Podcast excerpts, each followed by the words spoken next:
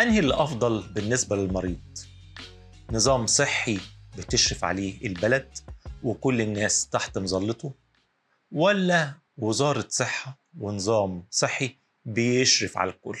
بس كل واحد مسؤول عن نفسه. في نظام مستشفيات وفي نظام تأمين طبي والاتنين كل واحد فيهم بيعمل القواعد بتاعته وهو سوق مفتوح. اللي أحسن للمريض المريض هيروح له.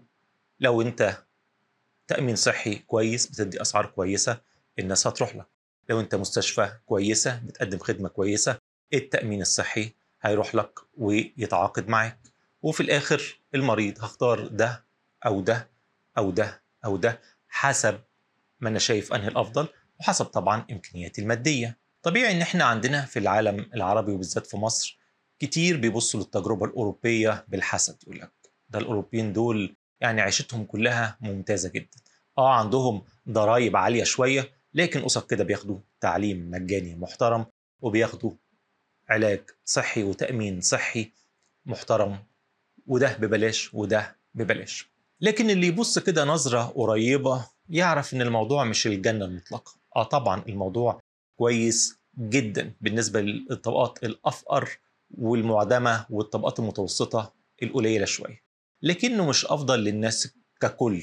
والدليل على كده إن حتى في أكتر الدول الديمقراطية اللي فيها كفالة وضمانة اجتماعية عالية جدا هنلاقي إن الطبقة الغنية والطبقة المتوسطة العليا ما بيدخلوش ولادهم المدارس الحكومية وبيدخلوهم مدارس خاصة. وهنلاقي في دولة عتيدة عندها واحدة من أشهر وأقوى النظم الصحية في العالم اللي هي بريطانيا هنلاقي إن برضو المستشفيات الخاصة والعيادات الخاصة موجودة وشغالة. طب ليه مش إحنا يعني اللي إحنا عارفين هنا عندنا في مصر دايما إن هناك النظام الصحي كفء وخطير وممتاز. إزاي الحاجات الخاصة دي شغالة. يعني إذا كان النظام اللي بتوفره الحكومة 100 100 ليه الناس تروح للقطاع الخاص. الإجابة ممكن الناس تعرفها لو ليها ناس عايشة هناك. ناس عايشة في بريطانيا أو كندا أو أستراليا أو ألمانيا حتى. الناس اللي جربوا الخدمة الصحية في مصر والخدمة الصحية في الدول دي.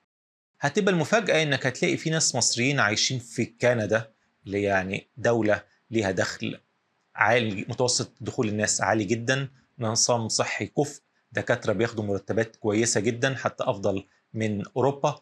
ومع كده المهاجرين هناك اللي هم المصريين اللي راحوا وهاجروا هناك بيشتكوا من النظام الصحي الطبي هناك ويقول لك في مصر أفضل منه. إيه يا جماعة أنتوا بتهزروا؟ النظام الصحي والطب في مصر أحسن من كندا؟ هقول لك آه بالنسبة لهم هم أحسن. وبقول لك تحت هم دول حط تحتها عشر خطوط. عشان يا ترى مين هم المصريين اللي بيقدروا يهاجروا ويقعدوا في كندا ويعيشوا في كندا؟ صحيح هم هناك بيبقوا طبقة متوسطة وممكن ساعات تبقى تحت المتوسطة لكنهم أصلا في مصر كانوا طبقة متوسطة عليا. وأنت في مصر لو طبقة متوسطة عليا بالذات من قبل خمس سنين فاتت قبل برضو ما الدنيا في مصر تاخد نظام تأمين طبي غلى الأسعار جدا يعني الخدمة الطبية في مصر الخاصة في آخر خمس ست سنين بقت غالية وباهظة فعلا. وأي حد ما عندوش تأمين طبي محترم يعني بيقع جامد.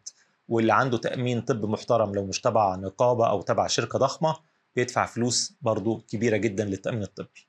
لكن قبل ما تبقى الهوجة دي شغالة في مصر وحتى وهي شغالة في مصر كمان كان أسعار الدكاترة في مصر والخدمة الطبية في مصر المتوسطة مش الفاخرة والمستوصفات المحترمة عموما يعني. كانت بتقدم خدمة طبية بمبالغ خلي بالك تعتبر كويسة ورخيصة لحد بيقبض مرتبات عالية. زي مين؟ زي المهاجرين المصريين اللي راحوا الدول الأوروبية. يعني لما يجي يقارن الفلوس اللي بتدفع في مصر بمتوسط الفلوس بتاعت كندا ولا أوروبا هيلاقيها قليلة. هيجي واحد يرد عليه يقول لي بس هم هناك أصلا ما بيدفعوش ولا مليم أنت بتقارن في إيه؟ في مصر بيدفعوا هناك ما بيدفعوش. أقول له آه هناك ما بيدفعوش لكن ما بياخدوش الخدمة الطبية اللي متعودين عليها في مصر. هنا في مصر لما بتتعب بتروح تحجز عند الدكتور وبيشوفك. آه ممكن تقعد في العيادة شوية لكن بتتشاف كويس وبتاخد علاجك والعلاج بتجيبه من الصيدلية كده بسهولة يعني بالتليفون حتى من غير روشتة. هناك ما عندهمش الرفاهية دي. انت ممكن تروح هناك عندك شرخ في عظمك أو عندك المرارة قرفاك بقالها أسبوع واثنين وثلاثة وتروح وتقعد تستنى في الاستقبال هتشوفك صحيح تمريض على مستوى عالي من الكفاءة لكنها هتديك ميعاد عشان الدكتور يشوفك بعديها بأسبوعين شهر وأحيانا لو هتعمل أشعة كده دورية مش حاجة مهمة ممكن تاخد شهر ولا اتنين عقبال أما تعمل لك الأشعة دي اللي هو إيه ده؟ ده أنا يا جماعة تعبان يقول لك آه تعبان بس في حالات تستاهل الرعاية أكتر منك أو مواردنا ما تستحملش إن إحنا نشوفك أو نقدم لك الخدمة دي بالسرعة اللي أنت عاوزها. والله أنت مش هتموت دلوقتي أنت تقدر تستحمل الألم ده. قلت لهم بس أنا ده أنا في مصر ما كانش كده. ده أنا أروح والدكتور يشوفني ويكشف عليا وأعمل التحاليل وأرجع له بالتحاليل ممكن خلال يومين ثلاثة في الاستشاره هناك أقعد بالأسابيع والشهور. يقول لك آه أصل إحنا نظام صحي مركزي بتشرف عليه الحكومة. فلازم يكون كفء ومش هنصرف فلوس غير بالطريقة الصح. والأدوية أنت ما بتدفعش هناك في الدول الأوروبية والغربية اللي هي اللي فيها نظام صحي شامل ما بتدفعش ثمن الأدوية. فإحنا مش هندي الدواء غير للي يستحقه فعلا. ما تجيش تقول لي أنا عندي دور برد آخد مضاد حيوي لا. مضاد الحيوي لازم الدكتور يكتبه لك عشان هو بس اللي يقدر يقول إن أنت محتاج الدواء.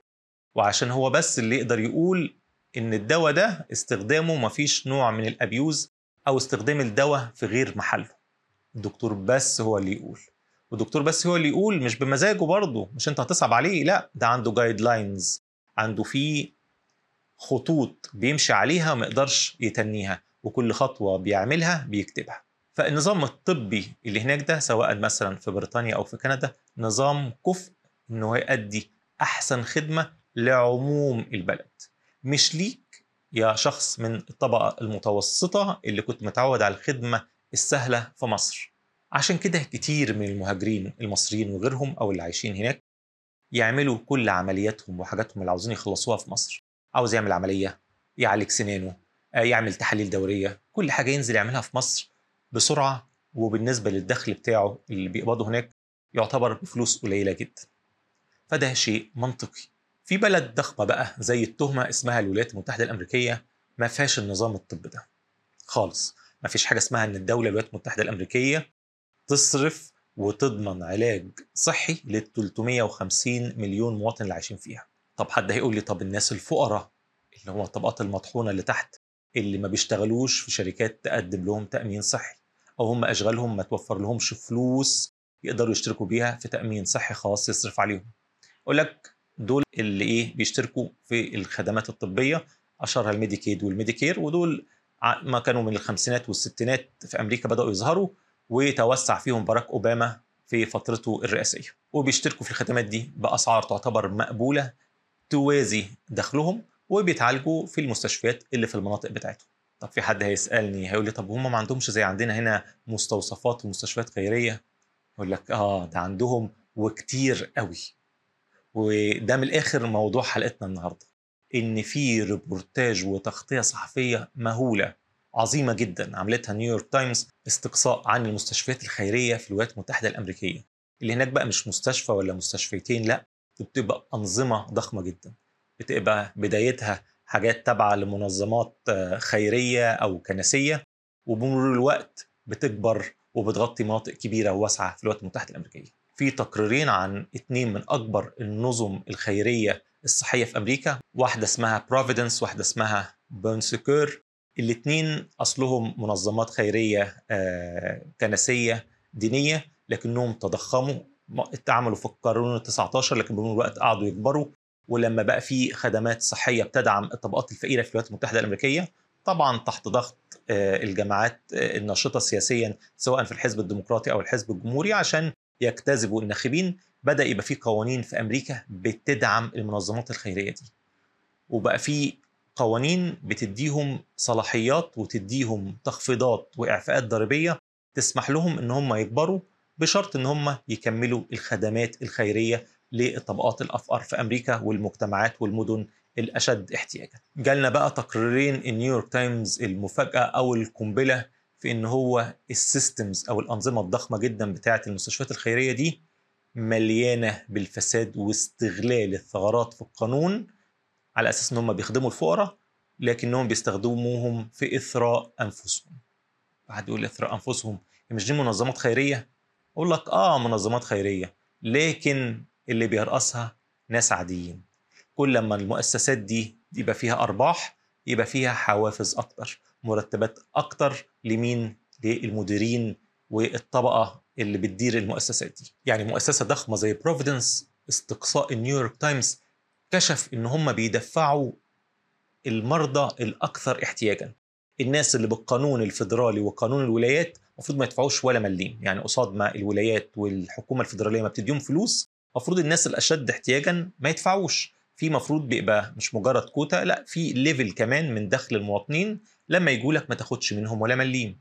لا اكتشفوا إن هم بيدفعوا الناس دول وبيدفعوهم عن طريق ثغرات في القانون وطرق فيها لف ودوران يعني المفروض لما يجي لك مريض من الطبقات الاشد احتياجا تسأله أنت إيه دخلك تقدر تدفع ولا ما تقدرش؟ لا شركة بروفيدنس ومؤسسة بروفيدنس العملاقة دي جابت شركة علاقات عامة وشركة تطوير دي يخليهم من مجرد مؤسسة بتخسر عشان هم كانوا بالأساس مؤسسة خيرية إلى مؤسسة بتكسب. فغيروا من النمط اللي الدكاترة والتمريض والموظفين بيتعاملوا فيه مع المرضى. بقى المريض بدل ما يجي يتسأل بعد ما يعني يشوف الدكتور بدل ما يتسأل تقدر تدفع ولا لأ؟ بقى السؤال هتدفع إمتى؟ وهتدفع قد إيه؟ هتدفع كل مرة واحدة ولا نقسطه لك طب افرض المريض قال لأ أنا مش قادر. ما ياخدش اوبشن إن هو مش قادر. يقولوا له طب هنجدول لك المصاريف بتاعتك دي. طب افرض ما دفعش في الآخر. في هناك في أمريكا شركات اسمها شركات الدين أو الديانة. دول من الآخر تيجي الشركات الضخمة اللي ليها ديون عند المواطنين تقول لهم هاتوا لنا الديون من عند الناس دي. فشركات الديانة دي تقعد تطاردهم وتطلع روحهم. طب افرض المواطن ده فقير قوي وطنش شركة الديانة دي. يسيبوه؟ لا ما يسيبوهوش. يطلعوا على البنوك اللي بتطلع لهم ال credit card. والشركات ال credit card والبنوك هناك في أمريكا ليها score.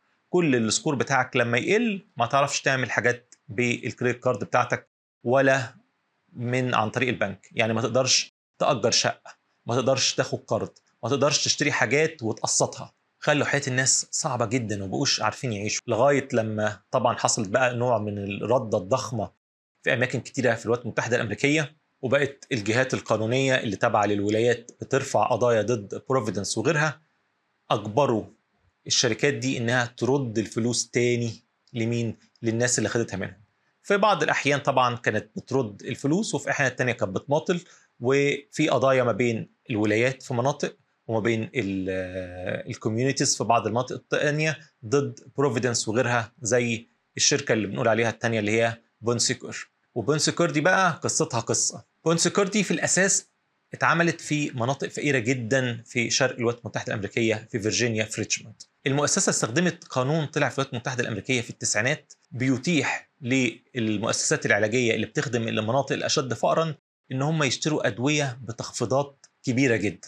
يقول لك خلاص فرق التخفيضات اللي أنا اديتها لك دي هتاخد فيها مكاسب. المكاسب دي تبني فيها فاسيلتيز وتبني فيها مستشفيات وغرف عمليات وغرف رعاية وتشتري أجهزة عشان تسهل على الناس اللي في المناطق إيه الأشد احتياجا.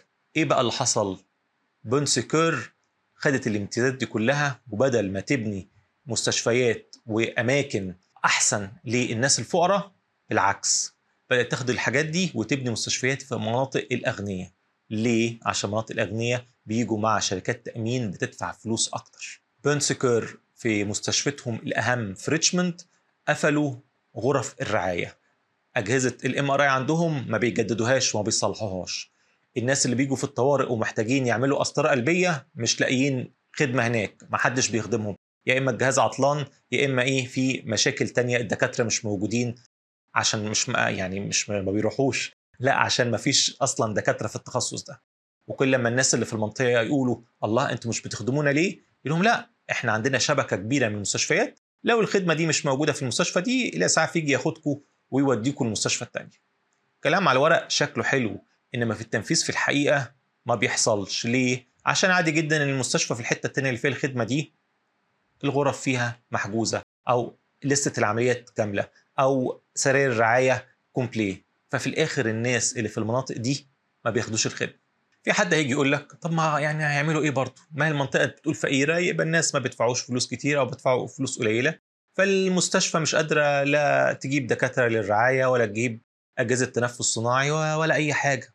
فعشان كده يعني حسب الفلوس اللي بتدخل لها هم بيصرفوا. يقول لك لا ده الصدمة في التقرير بتاع نيويورك تايمز إن المؤسسة دي اللي هي بونسكور على حس المستشفى في المنطقة الفقيرة دي حققت أرباح أرباح مش دخل 110 مليون دولار في سنة واحدة.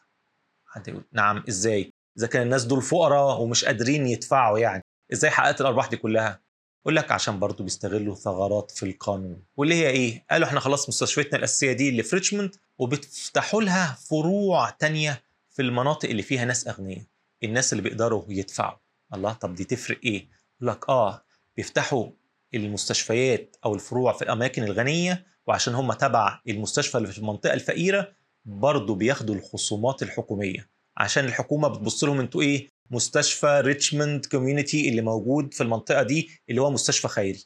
خلاص يلا خدوا التخفيضات اللي أنتوا عاوزينها. في حين إن التخفيضات دي بتاخدها اللي هي بونسكور وتصرف بيها على الأماكن الغنية. يعني مثلا في أدوية ربنا يعافي الناس جميعا أدوية سرطان ال vial الواحد فيها ممكن يعدي ال 20000 دولار. الحكومة الأمريكية بتدعم إن بونسكور تاخدها مثلا ب 2000 ونص أو 3000 دولار. طب فرق الربح ده بيتوجه للفقراء لا. المستشفى تاخده كأرباح وتستثمرها في حتت تانية. تستثمرها في حتت تانية يعني مش في المجال الطبي أقول لك آه. يبنوا بيها كومباوندات مش طبية أو يستثمروا الفلوس زي في حالة بروفيدنس في hedge funds اللي هي محافظ استثمارية للأغنياء قوي يعني ياخدوا الفلوس من علاج الفقراء ومن علاج دعم الحكومة ويوجهوها في حتت تانية أكثر ربحية. وعشان إيه؟ من الآخر حاجة ما تجيب لهمش وجع الدماغ. عشان ما تجيش الحكومة تقول لهم إيه ده؟ أنتوا الفلوس دي الأرباح دي جبتوها منين؟ يقول لهم لا ده إحنا عشان كان عندنا فائض فلوس من قبل كده فاستثمرناه عشان المستقبل عشان بعد كده الفلوس دي نعمل بيها حاجات طبية تانية. عشان ما يحصلش زي ما هو بيحصل فيهم دلوقتي. فنرجع لسؤالنا الأول. أنهي في الآخر اللي هيبقى أحسن؟ هل يا ترى نظام صحي الحكومة بتشرف عليه وبتصرف عليه ولا نظام صحي برايفت قايم على العرض والطلب.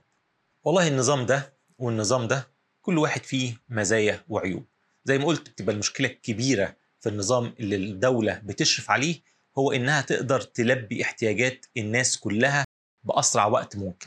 وده بس سهل عشان زي ما بقول كده البلد بتبقى مرهقة بالصرف على النظام الطبي ده.